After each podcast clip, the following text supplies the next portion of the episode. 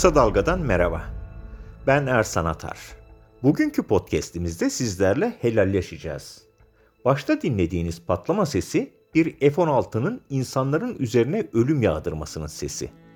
İşte bir pazar gününde 34 kişinin ölümünü hatırlatan böyle bir anı düşündürttüğümüz için helalleşme ihtiyacı duyacağız. Ama emin olun sonunda umutlu şeyler söylediğimizi siz de kabul edeceksiniz. Evet bugün sizlerle CHP Genel Başkanı Kemal Kılıçdaroğlu'nun açıkladığı helalleşme listesindeki Roboski'yi konuşacağız. Uzun listeden neden bu konuyu çekip aldığımızı podcast'imizin içinde paylaşacağız. Konuklarımız Roboski'de aile bireylerini kaybeden eski HDP milletvekili, şimdi partisinin Merkez Yürütme Kurulu üyesi Ferhat Encü ve yıllarca ailelerin haklarını arayan eski Şırnak Barosu Başkanı Avukat Nuşrevan Elçi. İşin umutlu tarafı şu. Encü ve Elçi'nin anlattıkları CHP'nin bu adımının Kürt halkında karşılık bulacağını gösteriyor. En azından CHP'ye kredi tanınacağını gösteriyor. Hatta öyle ki podcast'imizin başlığındaki geleceğe dair toplumsal barış inşası sözünü Ferhat Encü'den emanet aldık. Gelin yavaş yavaş 2011'e gidelim.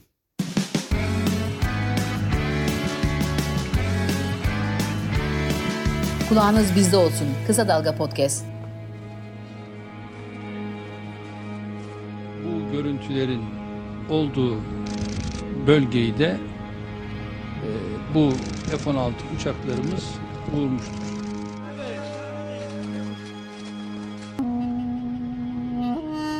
İnsansız hava araçlarının bu tespitleri birebir bunlar şudur şeklinde değerlendirilmesi mümkün değil.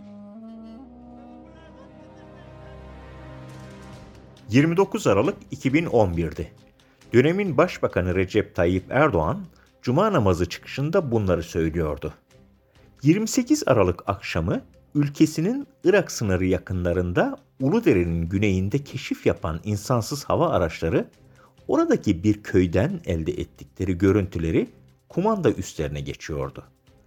Araçlar insansızdı ama geçtikleri görüntülerde insanlar vardı. Önce bölgedeki askeri birimler arasında ardından da Diyarbakır-Ankara hattında telefon trafiği başladı. Topçu atışımı yapılsın, hava harekatı mı?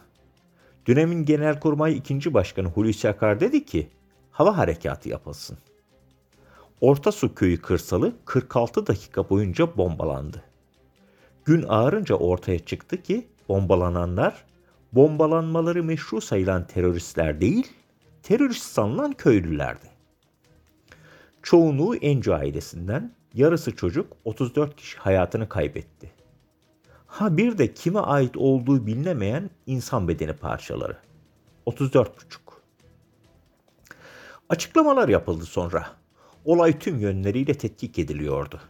Böyle bir bölgede silahlı kuvvetler bu Ahmet midir Mehmet midir bilemezdi ki. Hata da olabilirdi. Yaralar sarılacaktı. En nihayetinde Allah aşkına tazminatsa tazminat verilirdi. Uludere'nin Orta Su köyünde yaşanan bu olay söz verildiği üzere tetkik ediliyordu. Dosyalar savcılıklar arasında gelip gidiyordu. Sonunda askeri savcı takipsizlik kararında dedi ki, Meclis ve Bakanlar Kurulu kararları kapsamında görev icra eden Türk Silahlı Kuvvetleri personelinin görev gereklerini yerine getirirken İHA ile takip edilen ve sonradan kaçakçı olduğu anlaşılan grubu BTÖ yani bölücü terör örgütü mensupları olarak değerlendirme yaparken kaçınılamayacak bir hataya düştükleri sonucuna varılmıştır. Olsundu. Bunun daha Anayasa Mahkemesi vardı. Avrupa İnsan Hakları Mahkemesi'ne kadar gidilirdi. Gidildi. Ama mağdurlar eli boş döndü. Avrupa İnsan Hakları Mahkemesi iç hukuk yollarını tüketin öyle gelin dedi.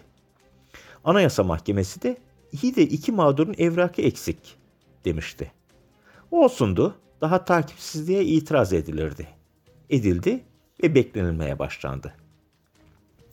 Dosya Ankara'nın kaybolmayacağı, kaybolamayacağı karanlık dehlizlerinde.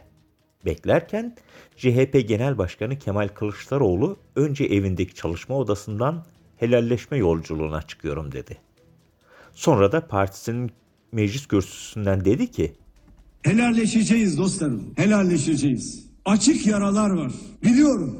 Zor olacak ama kesinlikle yapacağız ve başaracağız. 28 Şubatçıların açtığı yaraları kapatıp helalleşeceğiz. İkna odalarına sokulan başı kapalı kızlarımızla helalleşeceğiz. Robotki ile helalleşeceğiz. İnsanlara devlet tazminat ödeyecek. Ama bir taraftan da helalleşeceğiz. Sivas, Kahramanmaraş mağdurlarıyla helalleşeceğiz. Diyarbakır hapishanesi mahkumlarıyla helalleşeceğiz. Mahalleleri gasp edip sürülen ve mahallelerine lüks siteler dikilen romanlarla helalleşeceğiz. Varlık vergileri altında inim inim Liste uzayıp gidiyordu ve listenin devamındaki başlıklardan pek çoğuyla ne Kılıçdaroğlu'nun ne de CHP'nin bir ilgisi vardı. Bize göre işin sırrı da burada yatıyordu. Birazdan oraya geleceğiz. Durun önce şu Roboski detayına bakalım.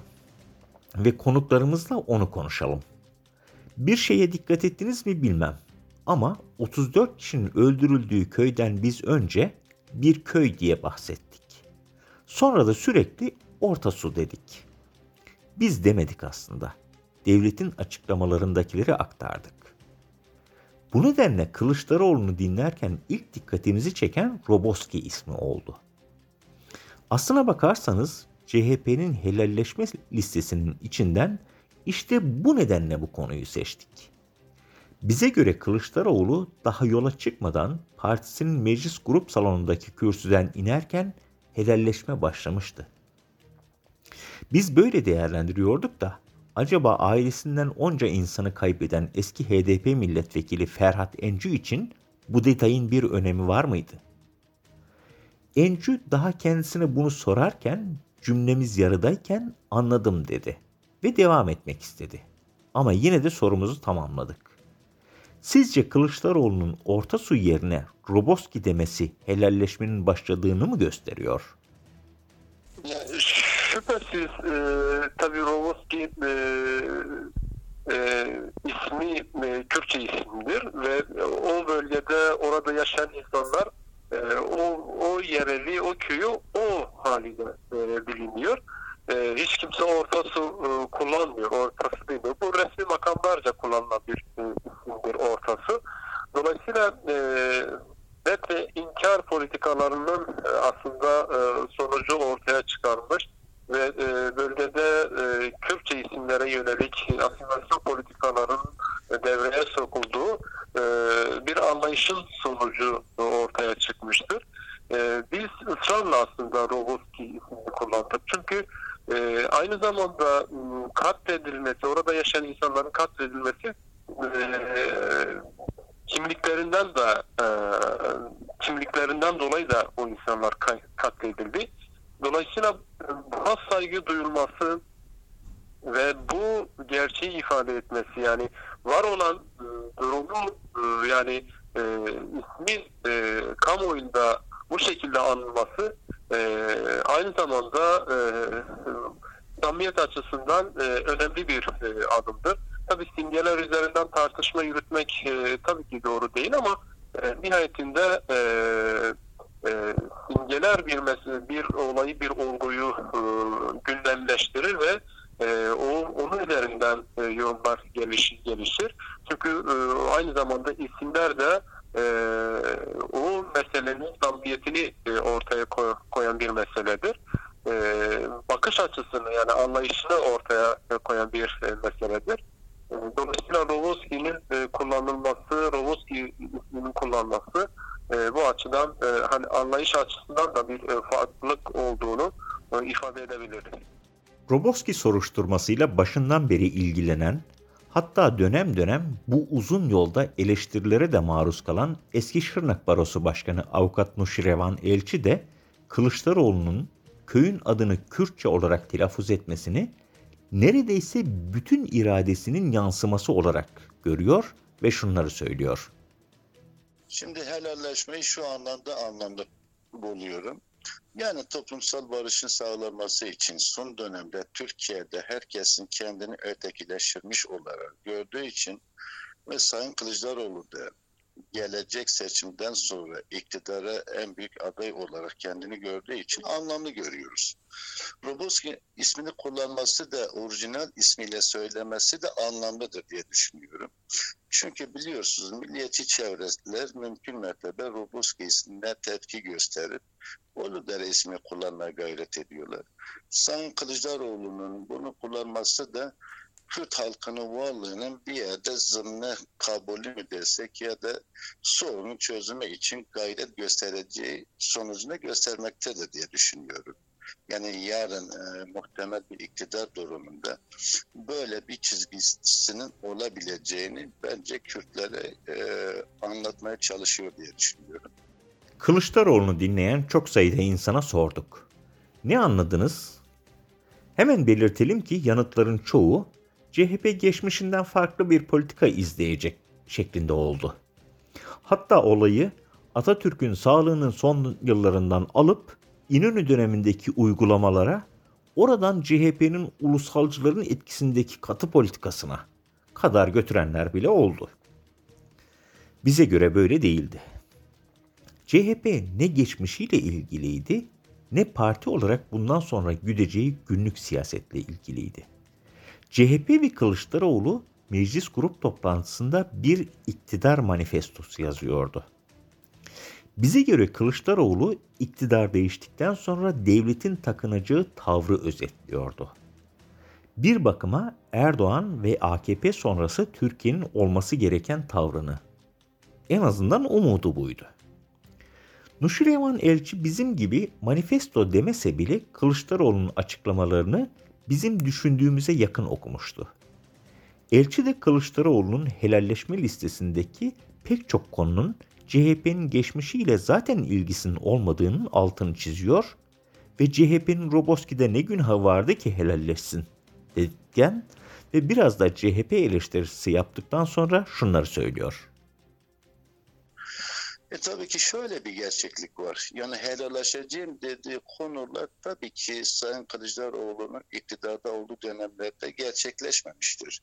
Ama bunlar genel bir devlet politikası olduğu için kendisinde muhtemel devlet yönetimine aday olduğu için ve en büyük aday kabul edildiği için bunları söylemesi toplumda bu ayrışmaların, bu trav toplumda travma yaratan bu olayların faillerinin e, cezalandırılabileceği, bu faillerin ortaya çıkarılabileceği ya da ileride yaşanabilecek benzer olayların önünü kesebileceği anlamda da anlamlıdır diye düşünüyorum. Çünkü CHP bence şu ana kadar en büyük yaptığı yanlışı Kürt sorunu, Kürt sorun çözümü konusunda cesur adım atmamasıydı. Biz hep şunu söyledik. Bu barış süreci döneminde de CHP rolünü üstlenebilseydi, rolünü oynayabilseydi yani sorunun çözümü konusunda bir katkı sunardı diye düşünüyorum. Bir de şöyle bir gerçeklik var. Ben 77 seçimden dün gibi hatırlıyorum. CHP bugünkü e, HDP konumundaydı. Kürtlerin büyük beklentileri vardı. Ve Kürtlerden de çok büyük destek görüyorlardı. Ve maalesef 90'dan sonra e, politikalarıyla milliyetçiliği ön planda tutması, ulusalcılığın daha önde e, olması sebebiyle maalesef Kürtlerde büyük bir kırılmalara sebep oldu. Ve hatta bilindiği gibi de 91'e kadar da 90'a kadar da e, şu an HPO'lu HDP'yi oluşturan Kürtler CHP'de siyaset yapıyorlardı. Ve o Paris konferansı sürecinden sonra Kürtler kendilerini CHP'de dışlanmış gördüler. Ve e, CHP olmaması gereken bir noktaya çevrildi. Yani bu saatten sonra bu adımların atılması, Kürtlerin Kürt sorun çözümünü konusunda CHP'yi samimi gördükten sonra e, bence sorun çözümü de e, Türkiye siyasi yaşamında da daha kolay olur diye düşünüyorum.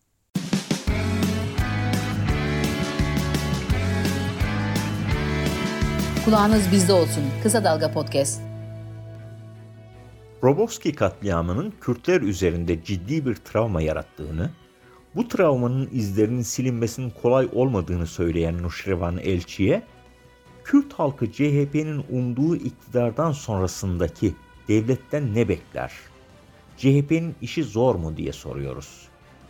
Bu soruyu sorarken evet yanıtını bekliyorduk. Ama elçi beklemediğimiz bir yanıt veriyor. Hatta samimi olunursa, hamasetten uzak durulursa kolay olacağını da söylüyor ve şöyle konuşuyor. Şimdi Kürtlerin beklentileri her demokrat toplumda olması gereken hususlardır. Kimliğinin tanınması, kültürünün e, tamamıyla yaşayabilecek, yaşanabilecek ortamların yaratılması, yerel yönetimlerin güçlendirilmesi, Kürtlerin özelinde, yerelinde kendini yönetebilmesi. Onun dışında da Kürt bölgesindeki geri bırakılmışlığın Cumhuriyet'in günümüze kadar bir politika olduğuna Kürtler inanıyor. Zaten Kürt illeriyle Batı illerini karşı e, mukayese ettiğimizde arada korkunç bir farkın olduğunu biliyoruz. Ekonomik, sosyal, kültürel, siyasi yönetim anlamında Kürt sorunun demokratik yöntemlerle çözümünü her Kürt bekler. Çünkü durum da onu gösteriyor.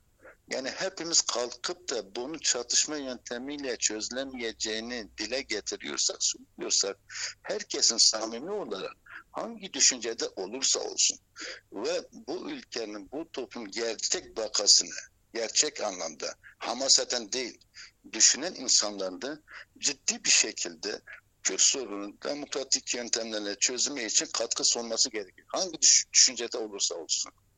Eğer gerçekten bu ülkenin bekasını ciddi bir şekilde hamasetsiz, amassız düşünen insanlar bu konuda cesur adım atmaları gerekiyor. Bu sorun çözümünde katkı sunması gerekiyor. Yani Kürt olması da gerekmiyor. Bu ülkede yaşıyor olması o sorumluluğu yüklüyordu diye düşünüyorum. Şimdi ben şöyle düşünüyorum. Türkiye'de hamaset olmasa en ülkücüsünden, en ulusalcısından herkes Kürt sorununun demokratik yöntemle çözülmesi gerektiğine inanıyor. Barış sürecini hatırlayalım. Siyasi iktidar öyle bir tavır takındığı için emin olun o zihniyetteki milyonlarca, on milyonlarca insan o yönde tavır belirledi. Biraz da maalesef ülkemizde siyasi kişilik tam oturtmadığı için eee iktidarın tavrına bakar, yöneticinin tavrına bakar. Eğer yöneticiler çağdaş bir şekilde bu sorunu çözmek isterse, gerçekten ister. Ben şuna inanırım. Ben Moğlalı, Manisalı, Trabzonlu bir vatandaş olsam, bu çatışma ortamı devam ediyorsa, çocuğum 10 yaşına geldiğinde kaygılanmaya başlar. Yarın çocuğum büyüyecek, askere gidecek, gidecek dağda çatışacak. İnsanlar da artık günümüz dünyasında bu gelişmiş dünyada hiçbir sorunun çatışmayla çözülemeyeceğini, çatışmanın toplumda ilerisi içinde derin yaralar yaratabileceğini düşünebilmektedir. Onun için Hamasat'tan uzaklaştığı zaman siyasi yöneticiler tavır koydukları zaman e, koydukları zaman ülkedeki en milliyetçi çevrelerin de sorunun demokratik yöntem çözümü konusunda destek vereceğine inanıyorum. Ama gerçek anlamda. Yani bir seçim dönemiyle geçiştirip e, üstünü örtmeme gerekiyor. Yani bu CHP içinde söz konusu, AK Parti içinde, diğer tüm siyasi partiler içinde. Yani Kürt sorun çözümü sadece seçim dönemindeki birkaç oyun e, devşirmesi anlamda kullanılmamalı. Yani böyle ciddi, demin de söylediğim için ülkenin sağlıklı bekası için herkesin önüne hedef koyması gerekiyor diye düşünüyorum. Ben e, vatandaşın da yöneticiliğin çok ilerisinde düşündüğüne de inanıyorum. Ama maalesef ülkemizde de hamasi politika, hamasi zihniyet ön planda olduğu için kimse o hamasi e, psikoloji, toplumsal baskının karşısında dikilemiyor. Evet. Böyle bir yanlışlık var. Yoksa dediğim gibi şimdi insanın kalkıp otursa CHP'si de, davası da, AK Partisi de diye tüm partiler içinde. Kardeşim böyle bir sorun var. Bu sorunu da biz ilk kez çözmeyeceğiz. Fransa'sı, İngiltere'si, İspanya'sı kimler yakın zamanda çözmüşler. Ve çözdüğün zaman da ülkede küçük düşmüyor. Tam tersi. Hem ülke ekonomik olarak güçleniyor, siyasi olarak. Bir de düşünsenize. Şimdi yani bu sorun çözülürse Kürtler kendini bu ülkenin daha bağlı hissetmeyecek midir?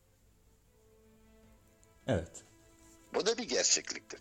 Ama dediğim gibi herkesin hamasi söylemlerde psikolojiden uzaklaşması gerekiyor diye düşünüyorum. Yoksa bu ülkenin ülkücülerinin de birebir düşündüğünde Bulsun çözümü istediğine inanıyorum. Ama ortamlarda da dile getiremiyorlar maalesef.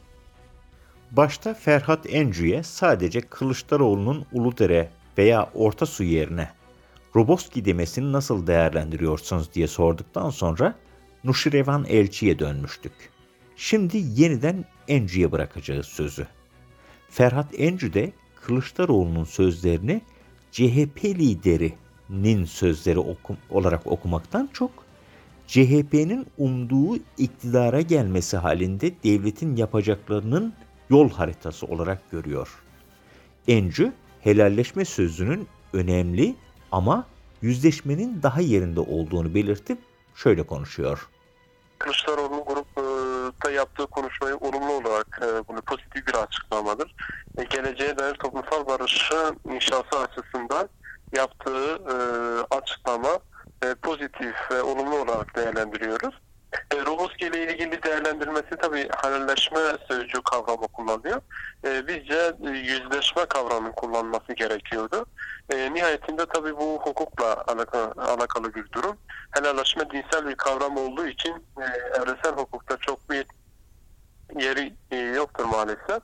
E, tabii e, e, Roboski katliamının e, işte faillerinin bu, bulunup cezalandırılması e, ve yargı önüne çıkarılması aynı zamanda e, bu katliamlara e, vesile olan anlayışların aslında e, ortadan kaldırılması bir bütün bir bütün olarak e, böyle toplumu tahakküm altına alan, toplumu sindirmeye çalışan bu şekilde farklı etnik, farklı görüşlerde sahip olan insanları şiddetle bastırmaya çalışan anlayışın aslında değişmesi gerekiyor. Yerine e, bu toplumsal barışa vesile olabilecek, o inşa edebilecek e, bir anlayışın e, olması gerekiyor. E, tabii Türkiye'de e, çok büyük kurumlarda çok büyük tahribatlar oluştu ve bu, en önemli tahribatlardan bir tanesi yargı mekanizmasında e, bu tahribatlar e, oluşturuldu. E, dolayısıyla e, Kılıçdaroğlu'nun yaptığı bu açıklama aslında ileriye dönük e, iktidar herhangi bir iktidar değişiminde e, kendilerinin nasıl bir yol haritası içerisinde gireceği, nasıl bir anlayışa gireceği, anlayış içerisinde olacaklarını e, e, e, meselelere Türkiye'deki karakterleşmiş meselelere nasıl bakacağını e, ön sinyalini e, veriyor. E, dolayısıyla e, bizim aslında e, bu açıklamaları desteklemek ve e, pratiğe geçirmesini sağlamak e, gerektiğini düşünüyoruz. Hepimizin vazifesi. E, tabii helalleşme meselesi öyle basit, e, böyle bir anda e, kabullenebilecek ya da işte e, hemen işte hiç olmamış gibi davranma e, biraz zor e, açıkçası. E, çünkü to, e, çok büyük tahribatlar ve mağduriyetler oluşmuş ve bu mağduriyetleri yaşayan insanlar, e, toplumlar, e, taraflar e, hukuk açısından, adalet açısından e, bir beklentileri vardır ve bu beklentiler gerçekleştikten sonra e, ancak e, mesele, helalleşme meselesi e, gündeme e, gelebilir. E, bu açıdan bakıyoruz e, ama e, niyetini veya e, be, beyanatlarıyla ortaya koymuştur. Bizce olumlu ve pozitif olarak değerlendiriyoruz.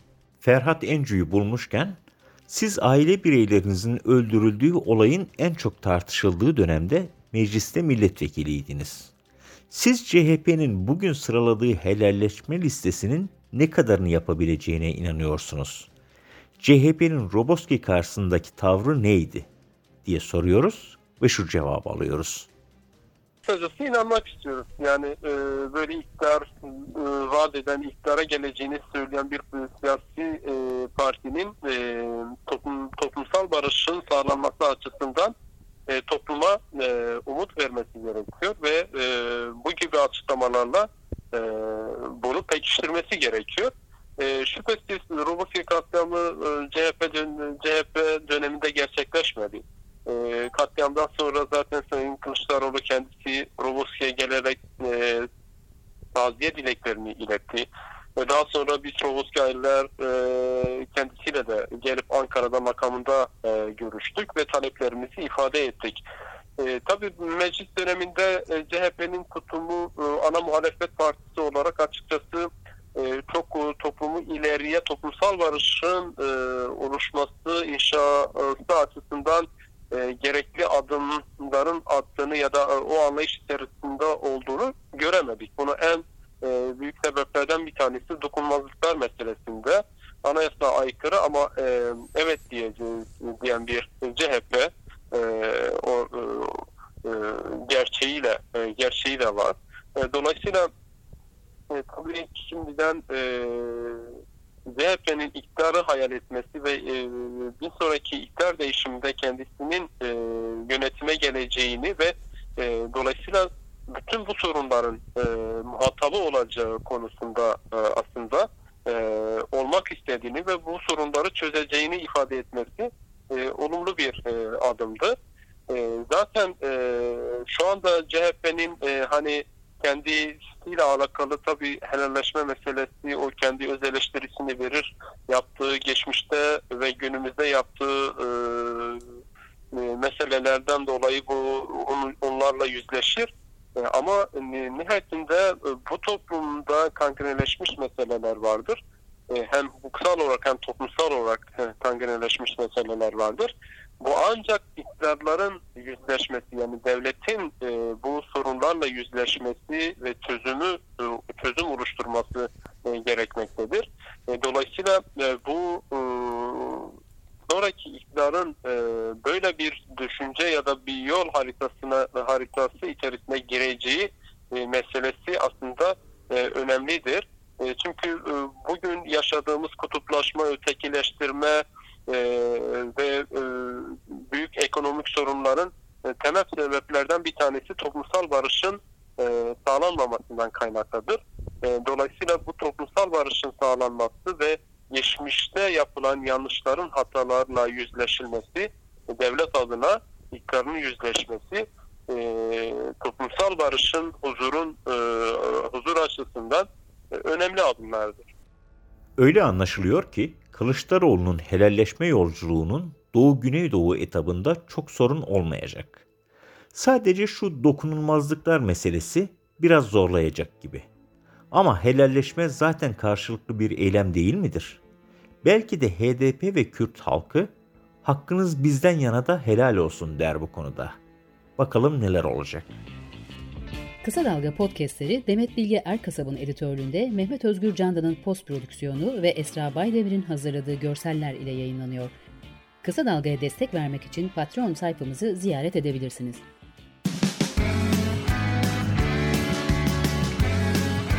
Oku, dinle, izle. Kısa Dalga.